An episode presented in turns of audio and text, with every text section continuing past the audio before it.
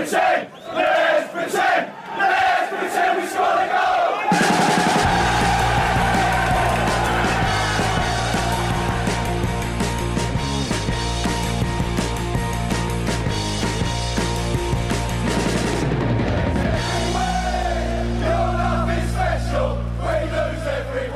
Äntligen! Dags för inspelning utav Sportbladets Premier League-podd. Jag har haft ett uppehåll på, ja, det blir nästan två veckor på grund av landslagsuppehåll, eh, lite sjukdomar och kvalspel för Kalle Karlsson som gästar oss eh, den här veckan också. Patrik Bränning skulle varit med men nyhetsläget på den här nyhetsredaktionen sätter stopp för det. Det är tränare i både Hammarby och Malmö som en har klar att lämna och en hänger löst som gjort att han måste ringa i och ligga och jaga lite nyheter. Det stoppar inte dock inspelningen utan jag och Kalle kommer att guida er genom... Vi kommer att ta mycket läsarfrågor den här gången ska sägas för vi har varit lite, dels lite dåliga på det dels eh, så måste vi ge tillbaks lite för att vi inte spelade in förra veckan.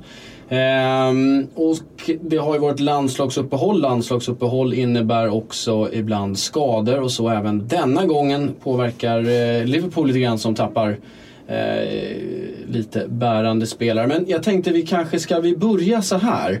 Redan imorgon är det stormatch, tidiga stormatchen. Det är United mot eh, Arsenal som är den första matchen som kickar igång Kalle Karlsson. Det är väl en fantastisk start efter ett landslagsuppehåll att riva i men eh, Ja, en riktigt stor match på pappret innan i alla fall. Ja. Och tränarmatch. Det är lite hat-tränarkänsla här nu igen. Det är Som- kanske framförallt det då som gör att det blir en extra kittlande match i Premier League. Det här var ju det stora mötet i den här ligan under första 15 åren i alla fall av Premier League-eran. Eh, nu är det väl inte de två bästa lagen i ligan som möts. Eh, men det är eh, ett Arsenal som definitivt har anledning att aspirera mot ligatiteln. Och det är såklart den här kittlande tränarkampen mellan Arsene Wenger och José Mourinho. Eh, Wenger har ju varit kritiserad under perioder de senaste åren. Men här och nu känns han ju betydligt mer modern och eh, het än vad José Mourinho gör. Och det blir oerhört intressant nu att se just den duellen nu, var de står. För att eh, Mourinho har känts lite utdaterad senaste ett och ett halvt åren. Och eh, han eh, har ju inte riktigt råd med ett till fiasko om han skulle fullborda ett sådant nu i Manchester United den här säsongen. Efter det som skedde i Chelsea förra året. Eh, så det blir oerhört intressant att se om han kan ta upp tråden där han alltid har stått mot Wenger. Han har ju alltid besegrat Wenger i princip. Wenger har inte vunnit en enda tävlingsmatch mot ett Mourinho-lag. Vilket är otroligt med tanke på hur många gånger de har mötts. Och det säger ju någonting om att eh, Tidigare har han i alla fall haft problem med, med Chelsea, han har haft problem med Mourinho. Eh, det blir oerhört intressant att se bara det. Om Mourinho kan plocka fram det där som, som han uppenbarligen har haft tidigare. Den där lilla edgen när han möter Wenger och att han ser till att hans lag är svårslagna vilket inte passar eh, och inte har passat i alla fall tidigare. Alltså Wengers Arsenal. Så um, det blir eh, eh, en riktig höjdpunkt imorgon. Känns det som om alla möten med Mourinho nu hittar man någon slags clash med minst en spelare eller tränare i andra laget. Han har ju målat in sig i något slags hörn där han bråkar med i princip alla bråkat eller har bråkat med någon, någon gång hela tiden. Ja, och så är det ju. Men samtidigt, alltså hans clash med Wenger, det är ju ändå Ja, den är mest kittlande i hela ligan tycker jag. För att eh, den har pågått under så lång tid. De var så olika som eh, tränare när Mourinho klev in som någon slags ny, ung rebell i Premier League runt 04 där. Och ehm, det har varit så mycket stick mellan dem. Det har varit så mycket kommentarer åt det ena och åt det andra hållet och det har aldrig liksom tagit slut. Och det eskalerade ju, eller jag ska inte säga att det eskalerade. Det eskalerade nog för ganska många år sedan där när, när eh, eh Mourinho tyckte att han eh, tyckte att Wenger var en tjuvtittare som spanade på andra eh, människor. Och drog någon väldigt, väldigt suspekt parallell där med fönstertittare typ. Det var den bilden man fick i alla fall. Eh, men sen eh, lyckades han skicka ett stick här för bara något år sedan här och där han slog fast att Arsene Wenger var specialist in failure. Och det blev ju såklart väldigt, väldigt stora rubriker kring det. Eh, det blir eh, alltid en slags jag ska säga, en slags dynamik när de här två bara står de där metrarna ifrån varandra på sidlinjen. För man vet att de, de eh, spelar ingen roll vad de säger runt omkring men man vet att de avskyr varandra. Ja, de skiljer, de är ju inte ganska lika direkt som eh, personligheter. Nej, och det, det, liksom, det blir som jag ska inte säga den onde mot den eh, god, gode så, men det blir som att det, det är två olika personligheter och det är två olika eh, filosofier också rent fotbollsmässigt. Och de står ju verkligen på varsin sida av skalan där. Och Wenger har ju i någon mån stått för det här vackra och liksom oskuldsfulla men eh, inte alls pragmatiska. Medan Mourinho har stått för i princip motsatsen under sin tränargärning. Och ehm, det blir så otroligt intressant att se dem här imorgon. För att eh, man har ju ändå alltid bilden av att Mourinho, när det är stor match, då, då får han sitt lag att höja sig. Och då är han fortfarande bra på att eh, ställa ut ett lag som inte förlorar. Men har han det fortfarande? De gick på pumpen rejält mot Chelsea här för bara någon vecka sedan. Och, eh, ja, Manchester Uniteds form har ju inte varit speciellt positiv de senaste månaderna här. Så att, eh, även om de spelar hemma på Old Trafford så känns det som att oddsen bör ligga ganska jämnt i en sån här drabbning. Ja, vi ska gräva ner oss mer i Chelsea sen. Vi har fått flera frågor om, eh, om, om just Chelsea. Jag, kom, jag tänker vi kan göra en liten snabb recap här för folk. Eh, Eh, Eh, Premier League-tabellen. Eh, jag drar den snabbt. Eh, Liverpool, Chelsea, City, Arsenal, Tottenham, United, Manchester alltså, Everton, Watford, Burnley, Southampton, West Bromwich, Stoke, Bournemouth, Leicester, Middlesbrough, Crystal Palace, West Ham, Hull, Swansea, Sunderland. Så ser den ut när vi går in för den och det är ganska jämnt där uppe. Arsenal ligger fyra, möter sexan United. United, vi har varit inne på det här många gånger, United har ju satt sig i en sits där de egentligen måste börja vinna nu. Eh, för att, så är det ju. Det är åtta poäng upp till Liverpool om jag inte har räknat fel. Det är korrekt. Och, eh, alltså, det är en sak om man är åtta poäng efter ett lag. Men eh, nu är det så många lag som är inblandade i toppstriden. Man kan inte ta igen på alla. Utan eh, det, det är klart att eh, tåget börjar rulla nu när man kliver in i den här decemberperioden. Och då, då måste eh, lagen som vill vara med där uppe haka på. Och det gäller United, det gäller ju andra lag också. Och Arsenal är ju, om man vill vara eh, titel Aspiranter. Aspiranter ja. så är det... Ja, men det är samma sak där. Alltså, du, du bör vinna de här matcherna då i så fall. Det räcker inte med kryss utan det blir ju två förlorade poäng nästan i sådana här matcher istället. Så att, eh, och jag har känt, känt att Arsenal är eh, mer komplett nu än vad de var tidigare år just med det här försvaret som har blivit så mycket starkare med Mustafi in med eh, den här lilla tyngden de har fått också på mittfältet i form av Granit Xhaka, Coquelin. De har alternativ på den positionen. Och sen har de eh, både Sanchez, Özil eh, i, bra form nu. Och en Theo Walcott som, som också har varit väldigt bra i höst. Så att eh, känslan är att de, de är mer kompletta än tidigare. Eh, Wenger på presskonferensen fick många frågor om en spelare. Alexis Sanchez på, borta på eh, landslagsuppdrag. Och det finns vissa frågetecken angående hans fysiska status. Om han kommer att kunna spela. Han har svarat lite på presskonferensen. Jag tänkte vi skulle lyssna lite snabbt här. Not a lot because uh, we were in doubt before the game, uh, 24 hours before the game. Uh, against Uruguay. We didn't know will he play or not. In the, in the end, they decided to play him. Uh, he texted us back that he's in a good shape after the game. He came off after 84 minutes. And then we have to wait. Uh, I see him tomorrow morning and uh, see if we can be involved in the squad or not. What will you consider when you think about playing him and all the, all the games to come as well? What I will consider basically is the, the risk of injury because he played with a hamstring, uh, recovering from a hamstring injury, and the way he feels as well, you know. And on that front, you depend a lot on uh, the honesty of the players, how they feel, how they recover. And the latest on Santi and Hector, please. Hector is uh, out for four weeks. he got injured in the last uh, 10 seconds against Spurs on a very strong tackle from Rose, Danny Rose. And uh, Casola is still out. Uh, for how long, I don't exactly know, but he is still not, not even out in training. Uh, Chile is not in a fantastic position to qualify for the World Cup. And uh, I understand that Alexis is keen to play for his country uh, for such an important game. After that, uh, uh, it's a period of November.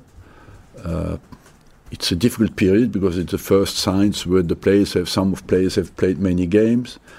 Most of the time, it's a decisive period in the Champions League because it's game number five for most of the clubs. It's a very important games coming up in the Champions League. In the Championship, the first uh, decisive games can uh, turn up. So of course, it's a period where you can pay a heavy price because last year we lost important place in November for for long periods. Ja, jag är på det. Det är viktiga matcher nu och det är precis som man också är inne på de lagen, Arsenal ett av de som spelar i Champions League, också viktiga matcher. Match 5-6 där det avgörs om man ska gå vidare och det är nu det blir tungt och han är skadedra- lätt att bli skadedrabbade. Och här har vi inne på en viktig spelare också, Alexis Sanchez. Eh, spelar han med honom tror du? Läser man mellan raderna så låter det som att han inte gör det. Eh, just för att eh, han ser nog att risken är ganska stor här att, eh, att han får problem med den här baksidan igen. Att han blir borta en längre tid. Också att han hänvisar lite till i fjol att de fick skador som drabbar dem över tid då. Så nej, förmodligen inte då. Han har ju rätt i att eh, det, det är problematiskt när det blir de här landslagsuppehållen. De ska resa långt, vissa spelare. spelar borta i Sydamerika, resa tillbaka och så är det ett tajt schema. Och så ska de in och spela viktiga matcher. Så det är ändå viktiga matcher sen i Europacupen. Eh, veckan efter som kommer direkt på in där och så, så är det en ny match till helgen. Och så går man in i den perioden. Och så går andra ligor, de går och tar ett vinteruppehåll medan Premier League, de gasar bara på när man kommer in i julperioden då istället. Och det här är någonting som, det är absolut ingen ny debatt. Eh, den har funnits i, i alla år. Jag vet att Svennis när han kom in som förbundskapten i England så tyckte ju han att det här var en en grej som påverkade England i mästerskapen. Att spelarna inte fick vila. Eh, som de fick göra i Tyskland och Eh, Spanien och, och Italien också för den delen. Eh, men England satsar ju på sitt varumärke. De vet att eh, julmatcherna drar till sig ett enormt intresse från hela världen. Eh, det är ett eh, det är en tradition och det är ett karaktärsdrag för den ligan att de, att de spelar rakt igenom den här tuffa decemberperioden och jag tror inte de kommer förändra det. Jag tror inte det. Eh, Alexis Sanchez, hur viktig är han om han nu inte spelar? Ja, han är ju oerhört viktig. Eh, så bra som han varit i höst och då är han ju en av ligans bästa spelare. Det är ingen tvekan om det. Eh, viktig för Arsenal med sitt sätt att dra isär och eh, kunna göra det där oväntade och skapa ett mål från ingenting alls också. Så att eh, det är ju ett rejält avbräck. Jag måste också understryka det. Hector Bellerin är ju ett eh, stort avbräck för Arsenal. Eh, Hans snabbhet tycker jag eh, reder ut väldigt många situationer för Arsenal. De eh, gångerna man lyckas komma in bakom deras backlinje då kan det vara Bejerin som från sin högerbacksposition har den där snabbheten att komma in och täcka upp. Men också såklart jätteduktig en mot en situationer. Eh, bra framåt med att han har speeden för att eh, överlappa och göra det med fart. Så det är såklart ett, eh, ett stort avbräck för Arsenal att han är otillgänglig nu och kommer vara det de nästa fyra veckorna tror jag. Någon som hade velat spela den här matchen det är ju Zlatan Ibrahimovic men han är avstängd. Eh, får helt enkelt vila ännu en, en helg. Det är lite turbulent i United, det är mycket turbulens nu. Men Wayne Rooney i en eh, fylleskandal. Ja. Om man kan uttrycka det så. Eller det uttrycktes så i alla fall i, i medier i, i England. Eh, Stupfull, spelledig. Påverkar det här på något sätt? Eh, Hur tänker Mourinho om, om den här härvan? Han ska ju vara arg över det här som Ja. Rooney har gjort. Och det låter konstigt men jag tror ju att eh, det kan vara positivt det här. För både för Englands landslag och för Manchester United. För nu trampar han i klaveret själv. Och han är ju svår att flytta på utifrån hans eh, meriter, hans eh, aura och hans eh, position som lagkapten. Men gör han den här typen av misstag, ja men då... Vi såg i Englands landslag nu, Gareth Southgate, han kommer plocka kaptensbindeln för honom. Och tar han bort kaptensbindeln, ja men då är det enklare att sätta honom på bänken. Och ja, då, då, då kanske det blev ett tacksamt, eh, en tacksam incident för Southgate att han fick en anledning nu att plocka bort honom från landslaget. Eh, och hans viktiga roll han har där. Och sen när han har Manchester United så har han ju hamnat på bänken i Manchester United. Och det är klart att om Mourinho nu är förbannad på honom och eh, antyder utåt att han är förbannad på honom, då kommer det inte vara lika stora rubriker när han hamnar på bänken framöver. Och sett till vad han har presterat den här säsongen så ska han ju sitta på bänken. Det är ju inga konstigheter där. Utan jag tror att eh, det behöver inte vara negativt för eh, varken för England eller Manchester United. Däremot är det ju såklart negativt för Wayne Rooney. Eh, Ja. Han, eh, det var inte den här typen av eh, grej som hans karriär behövde här och nu. Men visst fan ska man kunna få bli lite full eller? Ja, det ska man få vara, men sam- samtidigt så det, ja, man ska ju vara, det- kan vara det utifrån perspektivet att det inte är första fotbollsspelaren som har varit det. Och det är ju bara när det kommer fram som det blir ett problem. Om han är full på en ledig dag. Eh, när de eh, är på ett bröllop. Men det är klart att Wayne Rooney i den situationen han är nu, då ser det inte så bra ut. Eh, vad jag läste in det här att eh, Mourinho också är besviken på att, att han tilläts sitta och dricka, han drack ju på hotellbaren, eh, att han tilläts utav FA sitta och dricka där fast han var ledig. Tyckte de borde ha sett till att inte att det, eller det var i alla fall synd att han åkte, åkte dit, situationstecken i, i luften. Eh, men han får väl ta ett eget ansvar, han måste ju kunna ta ett eget ansvar, tänker jag. Absolut. Eh, om det råder inga tvivel utan där lägger jag nog hela ansvaret på spelaren själv. Det kan inte vara FAs uppgift att se till så att han inte dricker en extra grogg. Ja, men, och nu snurrar det lite i min skalle. Du säger att det här kan vara bra för engelska landslaget. Och då tänker jag lite, är det så här att man har känt, alltså ja, de vet väl om att han har, kan ju ha problem med spriten när han väl dricker. De har satt han där i Ja, baren. låtit han sitta där i, nere i baren. Eh, alltså jag menar, Ja, konspirationsteorierna flödar. Vi, det får vi aldrig veta men you never know. nej, alla konstiga saker har ju hänt. Och det här, vi ska prata om, alltså ja, eh, det drickandet är ju precis, eh, det dracks ju mer för i fotbollen eh, Jo, kan vi konstatera. Jo, tack. Som det precis dracks, man är, som journalist har man ju fått höra historier om det var förr. Innan eh, internet eh, när det var deadline sent. Då dracks det tydligen en, ganska friskt. Eh, på många redaktioner.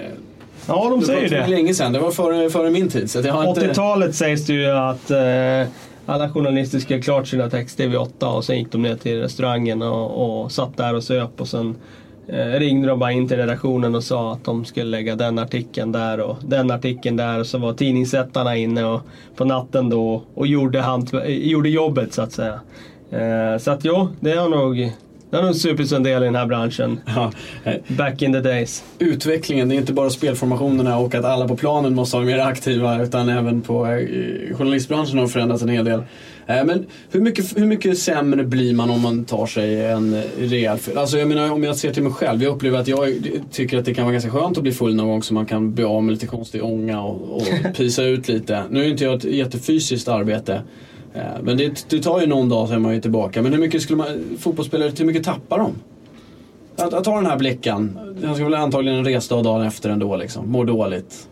Ja, nu minns jag inte vilken dag var det här som han var ute och hade galej. Var det i helgen eller? Ja det måste precis. ha varit var ju, lördags han, eller? han var ju, skulle ju vara spelledig eh, eftersom han drog- ådrogs en skada där. Ja, nej, jag tror inte på en vecka att han tappar så mycket.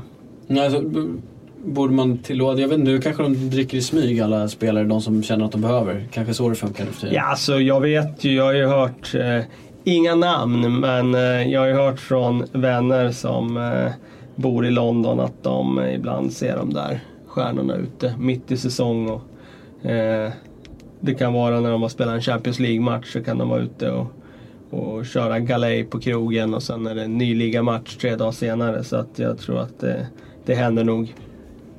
Eh, Hugo Levinsson har skickat in en fråga här för övrigt, vilket ni alla kan få göra på Sportbladet. Hashtag Sportbladets PLP om det är på Twitter. Ehm, hur eh, är må bra-faktorn underskattad i dagens fotboll? Det finns en följdfråga. Är den anledningen till Liverpool och Leicester? Ja, så Leicester förra jag, säsongen får vi anta. jag vet inte om eh, den är underskattad i dagens fotboll. Alltså jag tror att må bra- må bra-faktorn är viktig oavsett vilken idrott du pratar om och vilken grupp du pratar om. Om det är arbetslaget här på, på jobbet eller om det är var du än är. Så, att, eh, eh så är det ju. Det är viktigt att må bra för att prestera. Och jag tror inte att den är liksom någonting som, som klubbar förbiser. Utan det, det tror jag att de jobbar ganska hårt med. Sen är det inte alltid man lyckas. Och, av olika anledningar. Eh, Men eh, det är klart att det är en viktig faktor. Det är ingen tvekan om det. Och kollar man på Leicester så verkar det ha varit väldigt, väldigt bra gäng och grupp det året. När de fick till sin supersäsong. Eh, Det verkar inte bli en supersäsong i år för Leicester. Det verkar bli en Normal man säsong. borde ha legat Ja. säsong. Eh, Crystal Palace Man City. Nästa omgång City fortsätter om sitt, eh, kan man säga segertåg. Det har hackat en del. Eh, men nu är De Bruyne tillbaka. Vilket ju visade sig vara väldigt viktigt för, för City. Tankar om den matchen? Eh, ja, jag tänker faktiskt mest nästan på Palace som har en ganska dyster trend. De har inte vunnit nu på ett tag. Och, City har ju visserligen den där segern borta mot West Bromwich med 4-0 här för eh, ja, det är väl tre veckor sedan. Men in, dessförinnan det, då hade ju faktiskt Pep radat upp sex matcher för första gången i sin tränarkarriär utan att vinna.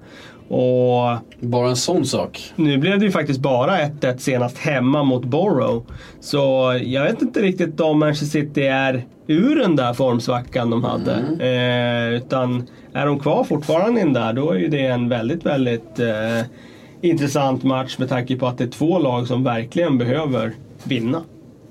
Och med tanke på det läge som vi pratade om att det är, det är nu man gäller att hålla, plocka poängen även nu för annars så blir det svettigt. För det är många lag där uppe som, som sticker i en grupp så att säga. Nu är ju City ett av dem fortfarande. Eh, Crystal Palace eh, har ju fått, eh, fått kämpa lite. Jag tycker de har spelat fint även om de inte får med sig poängen hela tiden. Jag tycker de spelar eh, så som de ska spela i år med fart på kanterna och inlägg mot en stor forward. Och jag tror att eh, det kommer att ge poäng i slutändan men de behöver få ett betydligt bättre försvarsspel än vad de har haft hittills. Jag är förvånad faktiskt över den defensiven som annars har varit ganska bra tycker jag. Eh, Tycker att de har eh, bra personal där bak med en Scott Dan som har varit en av ligans mest undervärderade mittförsvarare eh, senaste åren. Men eh, inte tillräckligt bra defensiv, släpper in billiga mål. Eh, släppte in 19 mål i ligan och det är klart det är, det är lite för många. Vi har ju pratat om att det är jämnt i toppen men det är faktiskt fruktansvärt jämnt även eh, neråt. Inte i botten botten, där har vi två, eh, Swansea och Sunderland som ligger. Men i övrigt så är det åtta lag inom tre poäng. Eh, Så att även där kan det gå, det kan svänga ganska, ganska snabbt. Så ska inte kolla allt för mycket på tabellplacering. Men Crystal Palace, ja de måste ju få lite fart i, i poängplockandet. Ehm, Men City, vad är det, finns det någon fara här? Sex utan vinster, det är ju häpnadsväckande i sig såklart. Ja, precis. Sen, sen efter att de hade de där sex raka utan vinster, då gick de och slog West Bromwich väldigt imponerande med 4-0 där borta. Agüero var eh, jättebra och sen vann de ju mot Barcelona en match som var den häftigaste matchen det här året. bra. året Svordom på den, men det, var, det får det bli. Det, så att, ja, jag vet inte, de, de har ju uppenbarligen visat även nyligen att de har kvar den där toppen. Eh, en väldigt hög högsta nivå. Men, och mot eh, Barcelona dessutom så vänder man ju ett underläge. Ja. Eh, Det såg ju inte jättebra ut där då. Nej, det gör det inte. Eh, men som sagt, eh, 1-1 bara hemma mot Middlesbrough senast. Det imponerar inte. Eh, nej, det var väl inte vad, vad man såg framför sig när det gick så himla enkelt, eller vad ska man säga, ja enkelt. Det gick så jäkla smidigt i början för eh, Manchester City. Du har dock hela tiden, det ska jag faktiskt, eh, heder till, till den personen som ska ha heder, du har hela tiden flaggat för att det kommer att komma svackor. Även eh, om jag kände att det här känns det här laget kommer inte sätta på några problem, de kommer bara rinna igenom. Ska vi kolla lite på Sunderland Hull? En fruktansvärt intressant match ur, eh, Verkligen. ur bottensynvinkel. Alltså de parkerar alltså på fem poäng Ja, det är så konstigt. eh, efter elva matcher. Och den som förlorar nu, den eh, kan ju ställa in sig på att ligga i understrecket fram till ja, mars. Eh, det är min känsla. Den kommer vara avsågad så att det, det, det blir svårt att ta sig upp ovanför där. Eh, Fram till att man kanske byter tränare framåt februari, mars där någonstans. eh, Eller när det nu sker. Nu är det i och för sig intressant med de här två klubbarna att de här sitter ju alltså, de här två tränarna sitter ju så pass löst redan nu. Eh, att de kan få gå. Trots att då Mike Peelan fick ju efter mycket om och men förtroendet att bli permanent tränare. Men nu har du inte fått resultaten med sig de senaste veckorna så det, det, det har svängt fort där kan man säga. Ja, först interimtränare lite kort där. Så gick det alldeles för bra i början. Ja. Nej men, eh, eh, det är väl, jag hade fel där. Det är ju, det är ju faktiskt Swansea som har fem Ja, de har fem poäng. Ja, precis. De har fem poäng. Men Hull Eh, tog ju sina poäng Precis, i början. de sina gjorde ju det. Så de har tio. matcherna. Så det är egentligen Sunderland det gäller. Om de torskar här då kan de ställa in sig på att ligga under strecket fram till mars. När det gäller ju så har de ganska- fortfarande kontakt med lagen ovanför, det ska man ju säga. Det har de. Men det Eh, känns som de har tappat den kontakten. De, Ja. de, de poängen de har är från början. De har inte tagit poäng på de senaste... Nej, det är väldigt länge sedan nu. De har, eh, de har inte vunnit i alla fall på väldigt länge. Sju matcher har de inte varit med och lekt. Eh, Så att, tagit poäng i princip. Nej, det har du fel. De Ja, vann senast mot Southampton. Nej, kolla vad slarvigt. Ja. Ja, då vände de en trend där. Men innan, innan det var ju deras senaste seger i Premier League. Den var i andra omgången. Var den. Så den var 20 augusti. Så senast vann de ju med 2-1. Snodgrass Dawson gjorde mål. Just det, viktigt. Eh, men innan dess så var det alltså deras senaste seger 20 augusti. Vilket säger lite grann om deras form. Men eh, på det hela taget så är det ju en ångestmatch för två lag som verkligen, verkligen behöver vinna. Och att båda tränarna där är satta under press redan är ju... Eh, ja, det är ju... Det är ju inte överraskande. Nej, det, det är ju på sätt och vis är det ju ledsamt eftersom de båda borde få lite mer tid. Eh, och jag vet när Sunderland började den här säsongen svagt och så vidare så var det ju många röster som tyckte att ja, men Sunderland för en gångs skull kanske de ska ha långsiktighet med en tränare. Så även om David Moyes kör ner dem här så kanske han ska få vara med och bygga upp dem från Championship. Eh, precis som Rafa Benitez får göra nu med sitt Newcastle. Eh, men jag har svårt att tro att det blir så. Jag har svårt att tro att det blir så. Ligger de under strecket här framöver eh, när vi är framme vid nyår där och in i januari då har jag svårt att tro att han sitter kvar på posten. Och så hänger det ju lite på hur man ligger under strecket också. Så är det ju. är det ju. Så är det ju. Eh, självklart påverkar det. Men när jag tittar på Sunderlands lag så tycker jag inte de är tillräckligt bra. Ja, då blir det ju svårt att ta sig upp säkert hur mycket man än byter tränare. Swansea var ju det andra fempoängslaget. De ska ju eh, borta mot Ja, det Everton. Det, riktigt blir inte så jävla kul. Swansea har, eh, eh, som jag ser det, ganska stor risk den här säsongen att, ryka. De eh, är inne i en sån där period där man har gått stadigt neråt senaste eh, ja, två åren egentligen. Och eh, nu har man en sån där säsong där man har tappat sin lagkapten Ashley Williams, hjärta och själ. Släppte honom i somras till Everton vilket gör att det blir en extra krydda i det här mötet. Vilket du var fruktansvärt missnöjd med. Jag tyckte det var väldigt konstigt. Jag tycker det var väldigt, väldigt märkligt. När man som Swansea har en kapten som har spelat där i så många år, gör ett super-EM och så inte får jättestora pengar för honom heller. Eh, Det var inte pengar som gjorde att de automatiskt kunde köpa in en ersättare av rang utan det var små pengar tycker jag för en eh, spelare som en av eh, ja, en, en riktigt, riktigt bra mittback i den här ligan. Jag eh, tror att de får tufft den här säsongen. Tränarbyte nu. Eh, Bob Bradley kom in. Mm. Har inte inneburit någon eh, eh, förändring hittills. Vi får se. Man Framöver har här. haft två matcher va? har haft ett par matcher. Eh, och senaste matchen mot Manchester United tycker jag var riktigt svag. Mm. Så att, ehm, nej, jag, jag är lite orolig eh, för Swansea faktiskt. Och det vore väl ehm, eh, typiskt här nu om Ashley Williams gör en stor match och understryker just deras avsaknad av honom. Ja, det skulle väl det skulle vara salt i såren som det logiskt nästan borde, borde bli helt enkelt. Men vi får säga till, till Bob Bradley och till andra de här lagen. Nu har de haft det här landslagsuppehållet på sig. De, det gäller att samla styrka. Eh, och ja, kanske att han har lyckats nöta in lite nya saker som inte så att jag tyckte också att Swansea spelat också precis som ty, tycker de har haft intentioner men de har inte killrins, de får liksom inte in bollen. Och sen så släpper de in det alldeles för lätt. Ja, det, är väl, ja, det är väl ganska klassiskt lag som inte har flytet med sig. Då spelar det liksom ingen roll vad de gör. Det blir inte... Swanseas senaste seger i Premier League, Ja, kan du det? Nej, det kan jag inte. Premiären, 13 augusti borta mot Burnley, 1-0. Leroy Ferry 80, 82.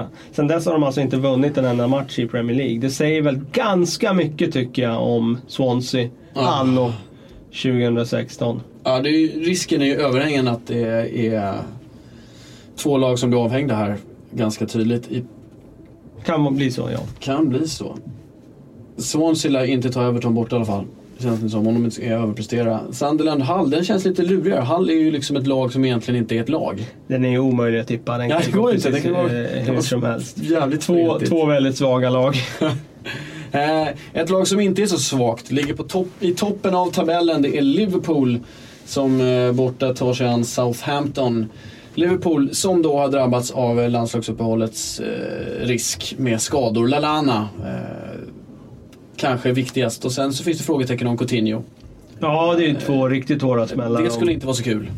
De klarar sig nog utan en av dem med tanke på det flytet och den formen de har just nu. Men båda två, då blir det väldigt kännbart. Och Coutinho har ju såklart varit eh, eh, oerhört bra senaste månaderna här. Och har ju en väldigt, väldigt viktig roll i Liverpool med sin kreativitet och förmåga att slå den avgörande passningen och, och skapa öppningar för andra.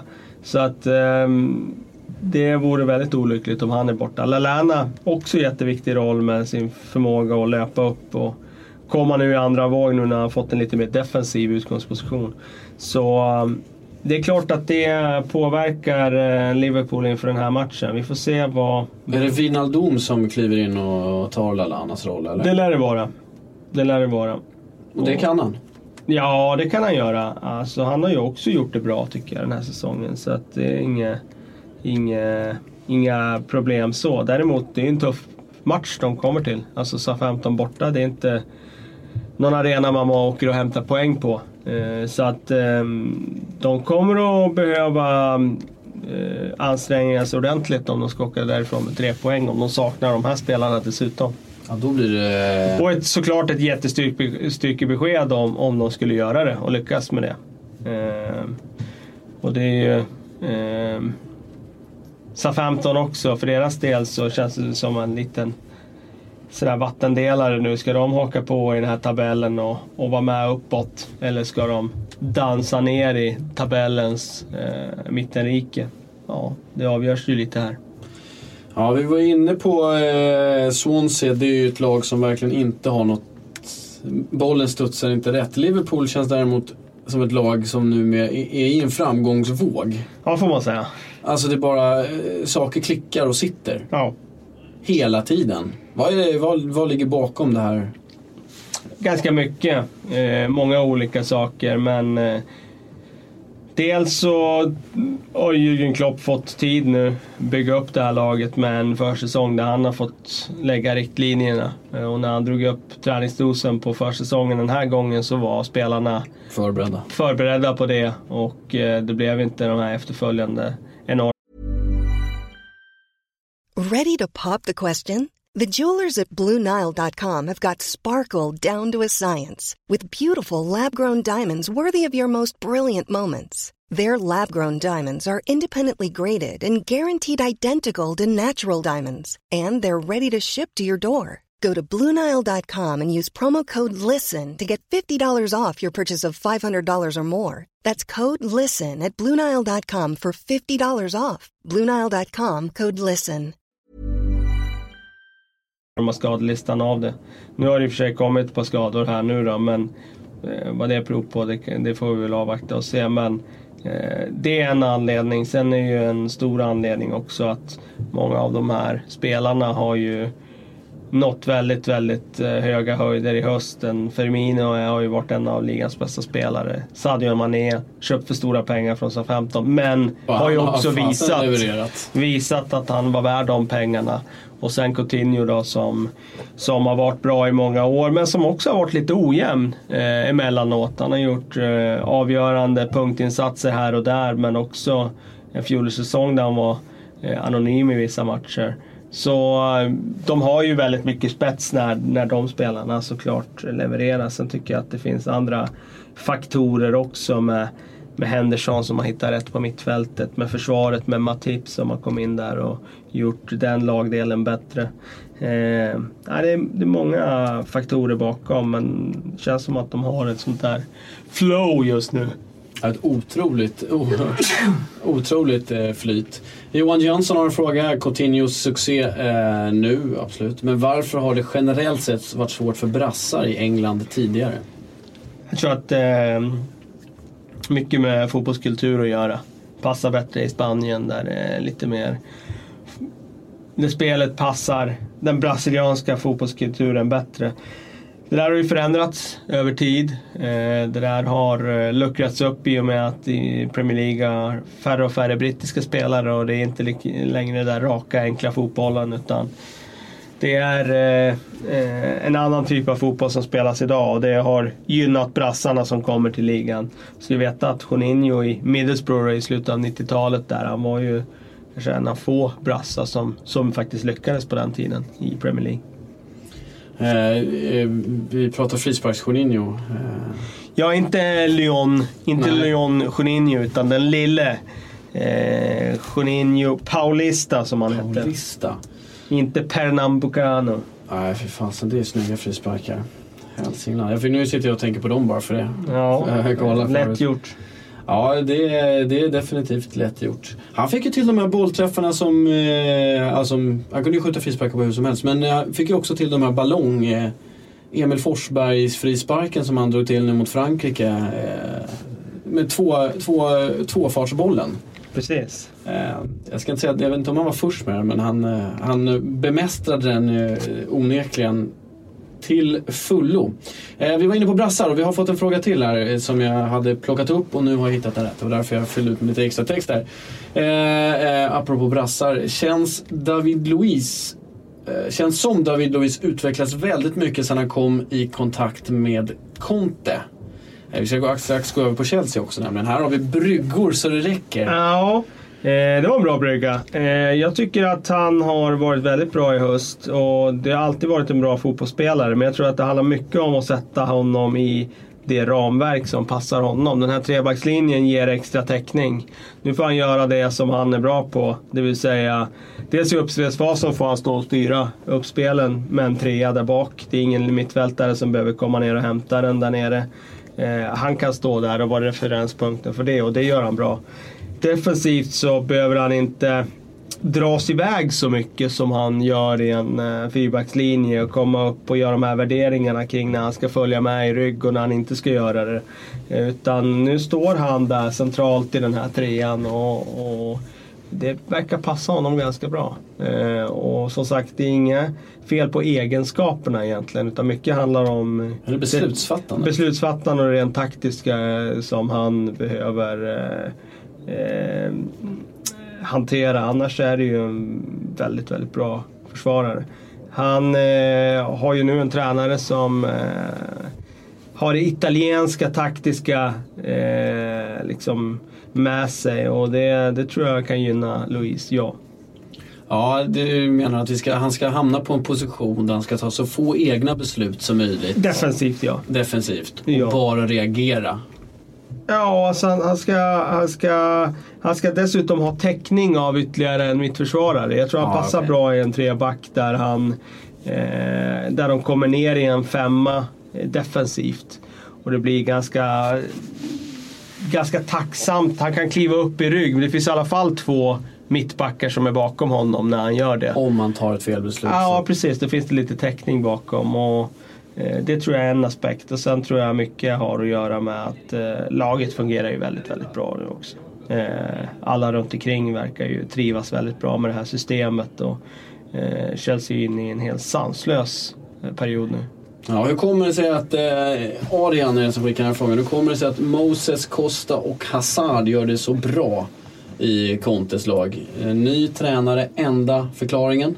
Ja, enda men eh, det är ju definitivt den stora. förut, förut. Jo, men det är definitivt den stora förklaringen. Det får man ju säga. För jag menar om man tittar på Hazard i fjol och tittar på honom nu så är det ju som en ny spelare. Och det är klart att det inte hade blivit så om Mourinho hade suttit kvar här som hövding och, och spelarna hade mått dåligt och så vidare. Så ja, det är ju den stora förklaringen. Och, ehm, sen behöver det inte betyda att det är just Conte som har kommit in. Jag tror att det var eh, till den punkten att oavsett vilken tränare som hade kommit in så hade Hazard hittat tillbaka till en högre nivå. Eh, nu har han ju hittat tillbaka till en väldigt hög nivå och det är ju väldigt positivt. Och där har ju Conte haft en, en stor roll med det här systemet han har hittat nu, 3-4-3 systemet. Där jag tycker Hazard får en väldigt fri och ledig roll. Och, eh, där han eh, inte behöver göra lika mycket defensivt som han gjort tidigare och det passar ju honom väldigt, väldigt bra. Eh, när det gäller Diego Costa så är han ju som en frustande tjur. Han, eh, när, när han vill och när han är i hyfsad balans, om han nu är det någon gång, Ja. så då, då, är han ju, då är han ju oerhört bra.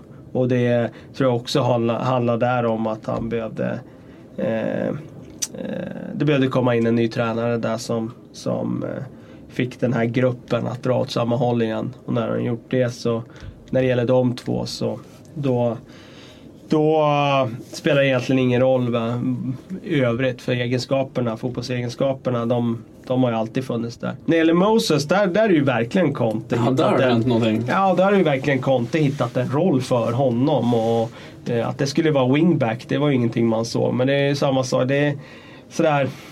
Det är ganska ofta nu som eh, mer offensiva spelare dras ner i, i ytterbacksroller eller wingbackroller och löser det ganska bra faktiskt får man säga. Och Moses har ju gjort det oerhört bra. Och, eh, det får man nog helt och hållet kreditera Antonio Conte för. Och såklart spelaren själv som har eh, tagit till sig av de instruktioner han har fått och, och utfört det på ett bra sätt. Ja, jag ska ju inte lägga allt på tränaren såklart. Spelarna måste ju också klara av det. Det känns som Diego Costa är ju onekligen en spelare som balanserar på vansinnets gräns. Så är det. Hela är det. tiden. En hårfin linje att balansera på. Men det visar också, man kan säga om du, det man ser också att han är inte bara på, eh, på den här gränsen mellan till vansinnet och avgrunden. Han måste också ha känna han måste känna någon slags kärlek till det han gör och när han inte känner det till Mourinho då, då blir den här balansen fel.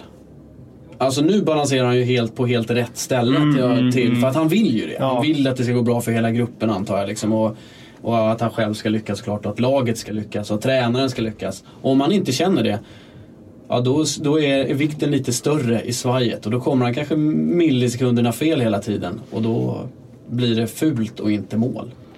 Ja, eh, det kan vara så enkelt. Alltså, det, det är små, små, små saker som avgör och det, det är ingen tvekan om att det, det kan ha påverkan. Ja, du, i, i, om man drar referenser till sig själv, man vet att man är en ganska enkel människa. Liksom. Ett företag som bjuder på fika lite då och då så tänker man gud vilket snällt företag. Här jäklar, jag kan jobba en timme extra Du här. Det är fan inga Du konstigheter. ser, Ja. du ser. Exakt så är det. Så är det.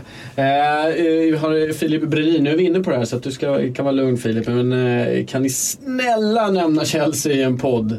Eh, er podd förutsätter jag. Inte sett dem så här bra på länge. Om vi ska göra om det Nej, en alltså fråga. den- jag har nämnt dem, men har du sett dem så här bra på länge? Nej, inte så här bra på länge. Eh, den här matchen mot Everton senast, det var, då var de oerhört bra. Och det är klart att de var stabila, starka, hade mycket eh, fysik och tyngd under se, senaste gången de vann ligan här under Mourinho för två år sedan. Är väl det. Eh, men jag har inte sett dem spela den här free flowing fotboll, eh, fotbollen som de har gjort nu. Eh, den här offensiven, den här eh, Eh, alltså kombinationen mellan försvarsspel, hårt arbete och även anfallsspel som de har gjort nu. Så nej, det, det kan jag inte minnas att jag har gjort på många år. Och jag kan inte erinra mig riktigt nu när jag såg dem så här bra senast. Jäkligt många kuggar som sitter. Ja, det är det. Eh, och som sagt, det, det har aldrig varit egentligen något fel på spelarmaterialet utan mer handlar om att, att få den här gruppen att dra åt samma håll. Och det är klart, när Azar är tillbaka i den här formen som han är i nu, det underlättar ju såklart. Eh, och med det eh, jag jobbar vidare med mina brygger som jag använder eh, lyssnarna till. Gustav Ahlgren. Det där är bara en brygga till den här frågan, så det är en dålig brygga på det sättet. Vem är bäst just nu?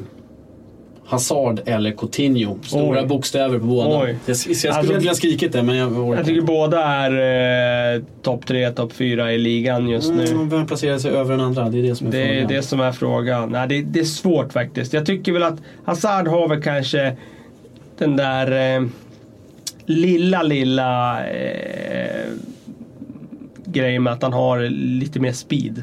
Så att det blir lite mer svårfångat när man har den där farten som han har.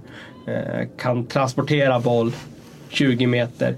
Coutinho har ju otroliga fötter och teknik på små yta och kan göra bort spelare på små, de här eh, futsalfinterna som eh, kan eh, också skapa upp, öppningar. Men eh, Assad, eh, när han är i form så håller jag honom fortfarande som kanske nummer ett i ligan faktiskt. När han, när han är på topp så ser jag ingen annan i ligan som är eh, har den högsta nivån. Frågan är om vem som är bäst just nu. Är han på topp? Ja, just nu, det beror på hur man säger. Jag tycker att de är jämn, har varit jämna den här hösten. Han vill inte svara på det här.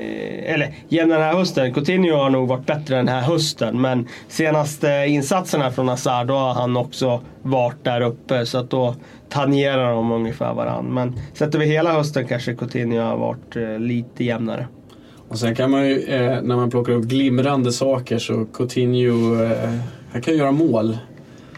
Som eh, han har är ett, så sjukt snygga också. Ja, han har ett ganska bra distansskott får man säga. ja. Det var så roligt. Han, jag, jag, har inte sett det här själv men han hade väl antytt någonstans att han var missnöjd med eh, siffran han hade fått i Fifa 17 på skott. Att han tyckte själv att den var alldeles för låg. Så han hade liksom eh, han hade klippt ihop något eh, Eh, ett highlights-paket? Ett highlights-paket med hans distansmål och tyckte att det var, det var lite lågt han hade fått, vad han nu hade fått i skott. Jag, som sagt, jag har inte sett det här själv men jag hörde bara talas om att det var så. Jag tycker det är fruktansvärt roligt. Jag hoppas innerligt att det här är, att det här är sant. Ja, jag också. Det, det, det gör mig.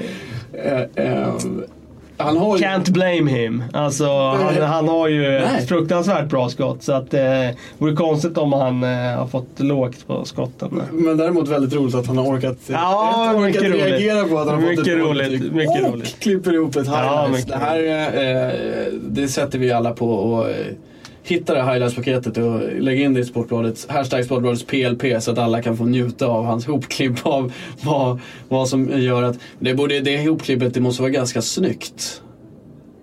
Det måste vara vackra, vackra skott och vackra mål på varandra om han om man klipper ut de bästa. Ja, alltså. det, det är det ju. Det är definitivt det där målet måste ju vara från premiären borta i Stoke här för något år sedan när han bara curlar in den i krysset. Den är väl definitivt med.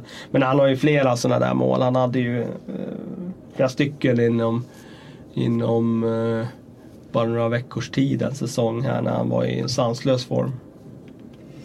Jag kollar på, eh, jag satt och kollade på lite på ett Best of. Eh, det var någon som hade klippt upp alla tunnlar som eh, eh, oh, nu tappade jag namnet bara. Messi. Ah, okay. Och för mm. fasen, det, jag orkar inte kolla på hela. Det är ganska långt. Ja. Alltså, han har gjort så sjukt många tunnlar ja, i, i, sin karriär. De är så, de är så flytande också. Ja. Ja, det, de, eh, om vi pratar highlights-paket Det var ju någon som sa att, att, han kan tunnla en sjöjungfru. Och det, det... ja, det är fan inte det lättaste. Nej, det är inte det lättaste. Men det skulle han säkert kunna. Det är ja. jävligt snyggt. Dessutom om man kollar på, om du går in och kollar på den, det är bara Nutmeg eh, Messi, söka på den, så kan du också se, då får man följa hans frisyrutveckling också. Just det. Lite grann. Jag hade glömt bort nämligen först där, han hade ganska långt hårsvall ett tag. Ja, stämmer.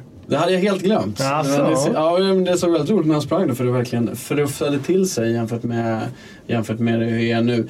Eh, Chelsea ställs ju mot eh, Middlesbrough dessutom. Vi kanske inte helt ska lämna, lämna att, eh, vart de till, hur går det här nu för ett eh, kuggande, kuggar som fungerande Chelsea mot ett Middlesbrough som... Ah, Säkert trea tror jag. De, eh, de är i bra flow nu så att, eh, jag tror att de fortsätter vinna. Det där är söndagsmatchen ska sägas. Eh, ska jag backa tillbaks, vi gick inte igenom. Vi har Tottenham Hotspurs mot West Ham också. Eh, även den på lördagen här i, i omstarten. Eh, Tottenham som fått tillbaks spelare i form av Harry Kane. Där, eh, Ja, men inte Alderfereld och det där tror jag är lite lurigt för att det sammanträffar ju nu deras dåliga form med att han är borta. De har alltså spelat sju matcher i alla turneringar utan att vinna nu, Tottenham. Och det är ju, ja, senast de vann då, det var ju den där starka segern hemma mot Manchester City när de vann med 2-0. Men det är alltså, då är vi tillbaka på 2 oktober. Det är länge sedan. Eh, ja, vi är 18 november när vi spelar in det här. Så. Precis, så att eh, frågetecken för Spurs form. Och det är klart, West Ham hemma. Eh, derby.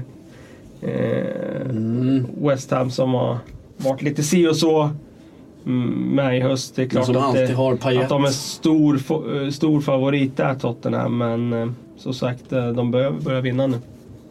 Eh, Harry Kane har ju varit borta under ganska många av de här matcherna som du, eh, där de inte har plockat poäng. Nu, nu gjorde han precis som sin eh, ersättare satte en straff i, i senaste matchen. Det är väl de enda målen som eh, Jansen fick in va? Ja, det är det På nog. straffar. Det är nog. Trots allt. Så att, eh, han klarade ju faktiskt, det får man ju konstatera, han klarade inte riktigt av att axla Harry Kanes mantel. Nej, det har han inte gjort. Det har han inte gjort. Eh, och det är inte så lätt i och för sig heller. Nej, det är det inte. Men eh, det pratades ju om innan att nu har man äntligen en spelare till ifall det händer någonting med Harry Kane. Och nu hände det någonting med Harry Kane. Man har ytterligare ett huvud. Man har ytterligare ett huvud. ja. Precis. Eh, och, men jag menar att man ska få in en spelare som verkligen går in och tar den, den eh, Man hade ju manteln. spelat om han var riktigt, om han var exakt lika bra så hade han ju spelat, eh, Mer, så är det ju. spelat, eh, spelat oftare. Ehm, West Ham är, nu ska vi se, vi hade en fråga om eh, tränaren där. Har han, har han Slaven Bilic. Vi har pratat om honom förut. Ja. Eh, har han dansat klart? Ja, det där är ju det här är intressant. Vi får ju se här. Eh, jag vågar inte svara på det riktigt. Jag, min förhoppning var ju att han bara skulle fortsätta här nu. Och eh, bygga vidare i sitt West Ham, kliva in på en ny arena här och, och bara ta fart uppåt mot en etablering på övre halvan i tabellen. Men Ja, eh, det är inte det vi har sett i år. Sen eh, Eh, så tror jag ändå att eh, de har en tillräckligt stabil stomme i det där laget och då tänker jag på centrallinjen där med Winston Reed och Kouyaté Noble och så vidare för att ändå eh, liksom etablera sig i mitten av den här tabellen. Men jag tror inte bättre än, jag tror att det blir en plats på 8 till 12 på West Ham. Kryssade ju mot Stoke senast. Det var ju en match som hade, alltså det är en match som ska vinna egentligen.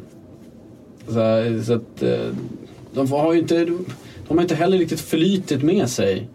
Sådär. Även om eh, Payet har ett fint flyt och ett jäkla skott. Så får de inte med sig grejerna. De släpper in sena mål och tappar tre poäng här och där. Och det är dyrt i längden. De kan ju inte hålla på så hela tiden.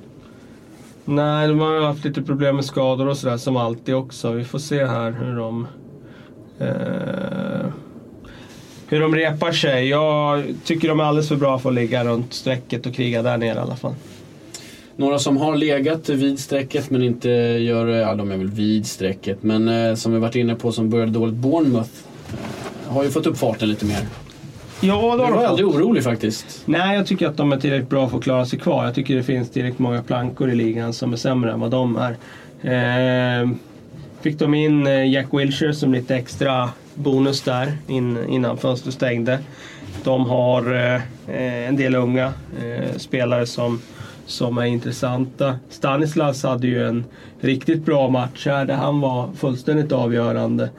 Eh, så att, eh, jag, jag tycker att eh, de är tillräckligt bra för att inte vara med och kriga runt, runt och under strecket. Men eh, eh, det är alltid det där med Bournemouth, att de behöver bli mer kliniska. Eh, jag menar, de ska inte gå och förlora mot, mot Sunderland. Liksom. Det, det, det ska de inte göra. utan de ska ta de där poängen för de kommer de behöva i längden.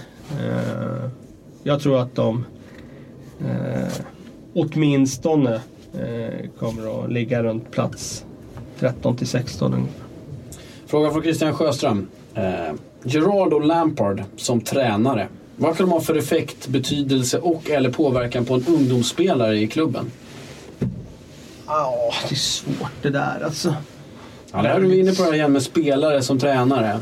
Så det är, det är klart att det kan ha en effekt, men det där vet man ju aldrig. Alltså, det är, jag tror att man övervärderar den där betydelsen ibland. Jag menar, eh, om du tar den, den bästa den bästa juniortränaren i Europa. Eh, nu vet inte jag om han är det, men en som är erkänt väldigt, väldigt skicklig så är det ju han i Schalke som bara spottar fram nya spelare. Och det är klart, han har spelat i Schalkes A-lag en gång i tiden, men han var ju absolut ingen stjärna.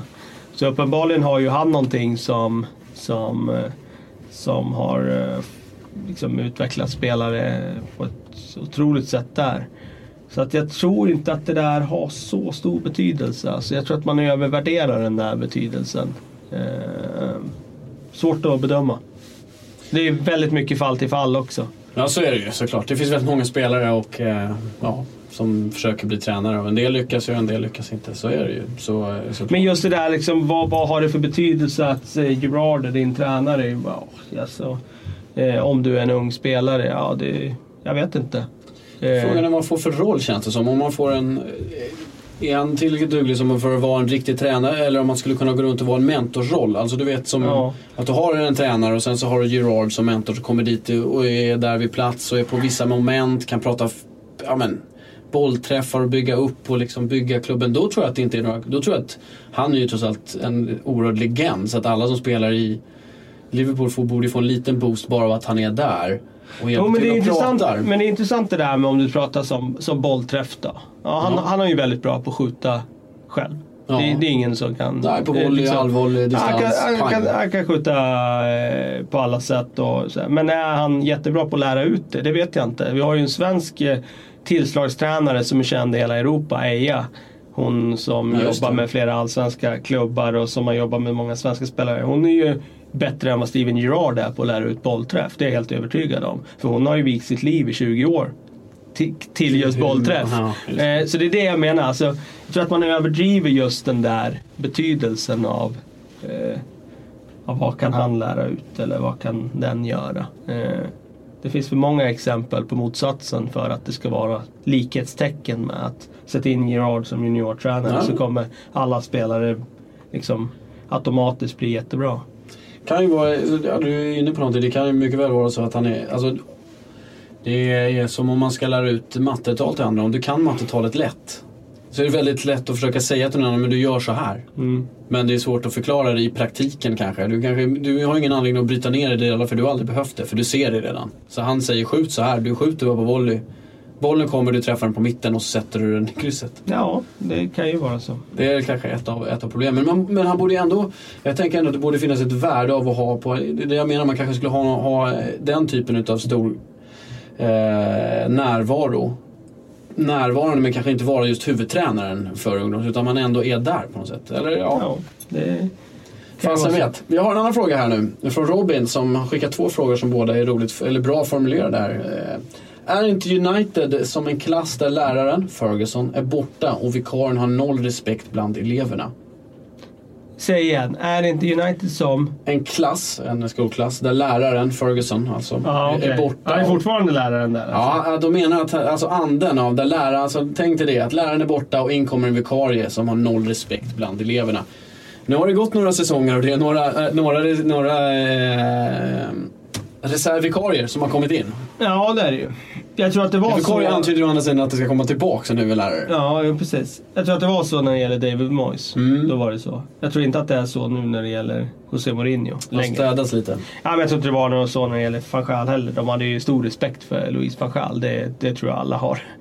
Det har man automatiskt med hans aura. Eh, Jag tror att de har stor respekt för José Mourinho.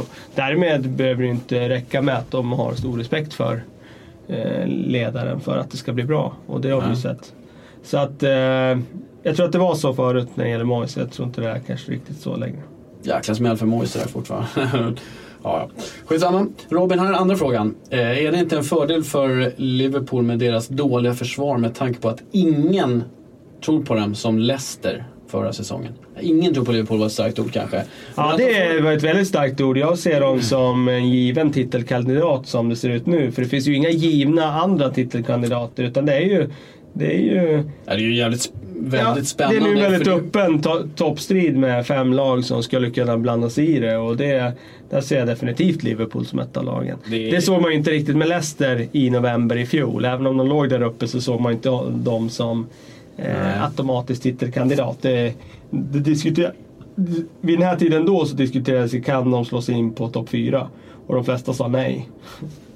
Ja, Även ja, kring det. Ja, Vid den här tiden alltså. eh, inte så konstigt kanske. Eh, De borde ju inte ha gjort det de gjorde. Det de borde ligga där de är, är, är nu helt, eh, eh, helt enkelt. Eh, jag tappade bort mig lite här. Var fasen var vi i, i, i, i tankebanan? Har du någon koll på det? Vart jag, vart jag var på väg?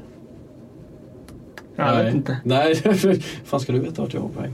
Helt enkelt. Eh, Men vi kan prata Leicester om. Watford-Leicester är i kommande omgång också.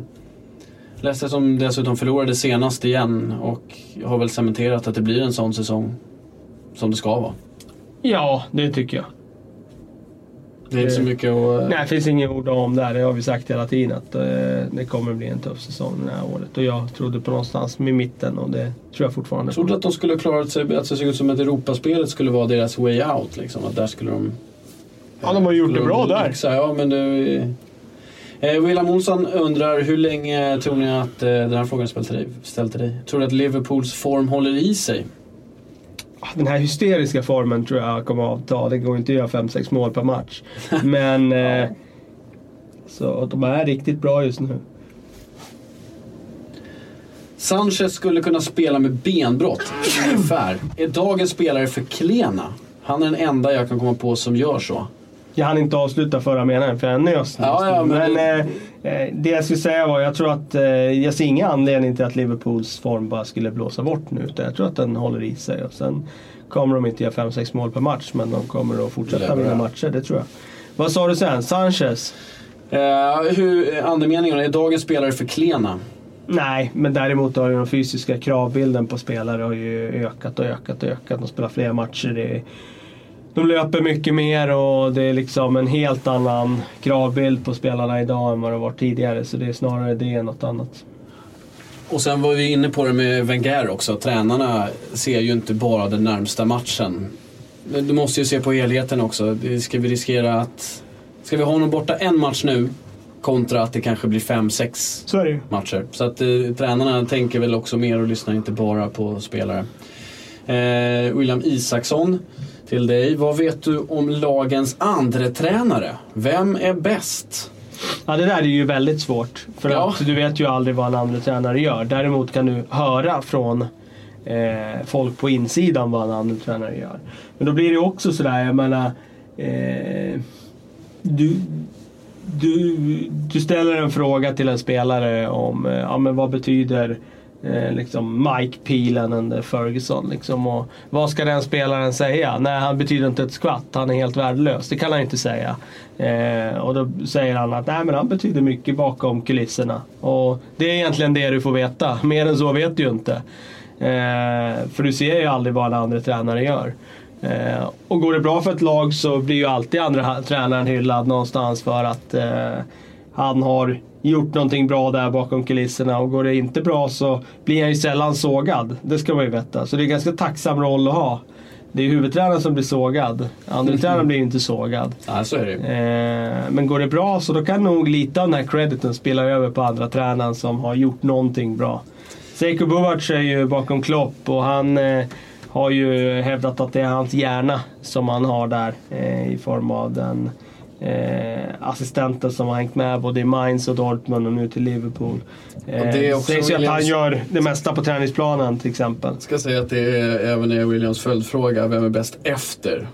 Ja okej, han, han slår fast att... Ja, han, slår, han slår fast. fast han är bäst. Visst Ja, med just en det. liten smiley efteråt. Nej, men det, det, är- det är jättesvårt det där. Jag vet när jag var nere och träffade Jonas Olsson där eh, förra, eller i våras där. Då snackade vi mycket om allt möjligt. Och han till exempel, han hyllar ju Eddie Newton som var assistent till eh, Roberto Di Matteo och tyckte han var helt fantastisk. Och han jag läste liksom lite mellan raderna att eh, eh, Eddie Newton gjorde nog Di Matteo ganska många procent bättre. Just för att han var jäkligt bra på att lägga upp allting som hade med träningsplanen att göra. Och hade inte han funnits där så hade nog inte Di Matteo liksom varit lika bra. Alltså, det, det betyder ju självklart jättemycket om du har en bra assisterande tränare som eh, bidrar med de grejerna som du själv inte är eh, liksom ser som dina styrkor. Liksom. Eh, sen är det jättesvårt för oss utomstående att slå fast vem som är bäst. Det är helt omöjligt egentligen. Vi ser aldrig deras jobb och vi kan bara syssla med mer eller mindre kvalificerade gissningar. I det här fallet ska jag säga att det är mindre kvalificerade gissningar. För vi, det, enda vi kan, det, det enda vi har att förhålla oss till det är ju bara vad folk säger om dem. Och det är ju också sådär, det är väldigt, väldigt svårt att värdera en assisterande tränares jobb. Det, ju, det kan ju inte ens spelarna på insidan kan ju inte ens värdera det. De vet ju inte hur mycket har han betytt. Det är ju en gissning från deras sida också. Sen, sen eh, måste det ju också rimligt rimligtvis vara så att, att ja, men som det är med huvudtränare. Alltså symbiosen, den som är en bra andre tränare, assisterande tränare till en huvudtränare behöver inte nödvändigtvis funka överhuvudtaget med en annan. Nej, så kan det ju vara. Du, du måste ju, eller om det inte är väldigt anpassningsbar men, eh, men som du säger, om det är en som fyller i de luckor som saknas hos en tränare. Det är inte kanske samma luckor utan det måste verkligen finnas en bra symbios i att man accepterar de roller man har. Jag ska göra de här grejerna, jag ska göra det, så, jag ska göra det bäst. Så är det ju. Och det är den andra killen som kommer få mest cred oavsett Så är det ju. som, som, eh, som vad, vad, som, vad som händer. Ehm, Niklas Österlid. Eh, ge mig ligans bästa målvakter. Topp fem skriver han. Oj, topp fem Ja, det var många. till och med. Av 20. Eh, om Det vi är håller ganska oss till... många bra eh, målvakter nu, men jag skulle säga att eh, eh, Loris, David de Gea, Peter Cech. Eh, jag tycker att eh, Courtois. eh, Fraser Forster, Ja. Courtois. Där tror jag har dem. Joris han gör ju jävligt många... Han gör väldigt många... Alltså det känns som han gör spektakulära räddningar. Ja, det gör han, det gör det gör Och jag ligger på mållinjen och plockar med höften räddningar. Ja, det han. Sen är det klart, en sån som Kasper Schmeichel är ju intressant där. Han eh, var ju väldigt, väldigt bra i fjol. Då var han topp 5, det tycker jag. Men på det hela taget så väljer jag nog dem. Tom Sen- Heaton. Nej, det tycker jag inte, men eh, han är bra. Men inte topp 5. Nej. Där fick han topp fem, var inte så dåligt. De drog det ganska snabbt ändå. Vem Ja. skulle du säga var bäst av dem? Om du var tvingad? Ja, de Gea tycker jag fortfarande har eh, bragging rights eh, på toppspot där. Eh, han eh, har inte varit riktigt lika bra den här säsongen som han var förra året och inte året innan det, men han är fortfarande etta för mig. Eh, vilket lag måste verkligen värva spelare? Oj, det är många. Sen. Det är många. Låt mig återkomma till det där alldeles strax. Är det att en det- podd som kommer att dra igång sen för övrigt? Ja, precis. Det är ju silly season snack. Men eh, det är många som behöver värva. Ja, vem, vem, vilken klubb skulle definitivt... Sunderland behöver verkligen värva. Ja, okej. de, de behöver värva spelare eller behöver de värva tränare och Både spelare? och. Allt? Allt. David Moyes, han kan inte, det spelar ingen roll vad han får spela dit, Allt eller? behöver de värva. Oj, oj, oj. Kommer- Andra tränare framförallt. Framförallt andra tränare. Kanske kan plocka in eh, Liverpools andra tränare Ja. så eh, styrs allting upp helt enkelt. Eh, stort tack för att ni har lyssnat. Eh, nu kommer det inte dröja lika länge till eh, nästa Premier League-podd. Ja, det blir ganska tight. Det blir väl måndag, tisdag vi kör Det blir på tisdag, Ja, precis. tisdag. Mm. Eh, Så, så är det sagt, så det spelas i den här omgången och sen så hörs vi igen. Så nu behöver ni faktiskt inte hålla ut så länge innan det kommer en ny Sportbladets Premier League-podd. Tack för att ni har lyssnat den här gången helt enkelt. Och bomba in med frågor, kom ihåg att gå ut och kolla på Messis tunnlar och Coutinhos Highlights-paket. Highlights-paket. Lyft mina skottpoäng i Fifa Highlights-paketet. Gå ut och kolla på det. Tjo!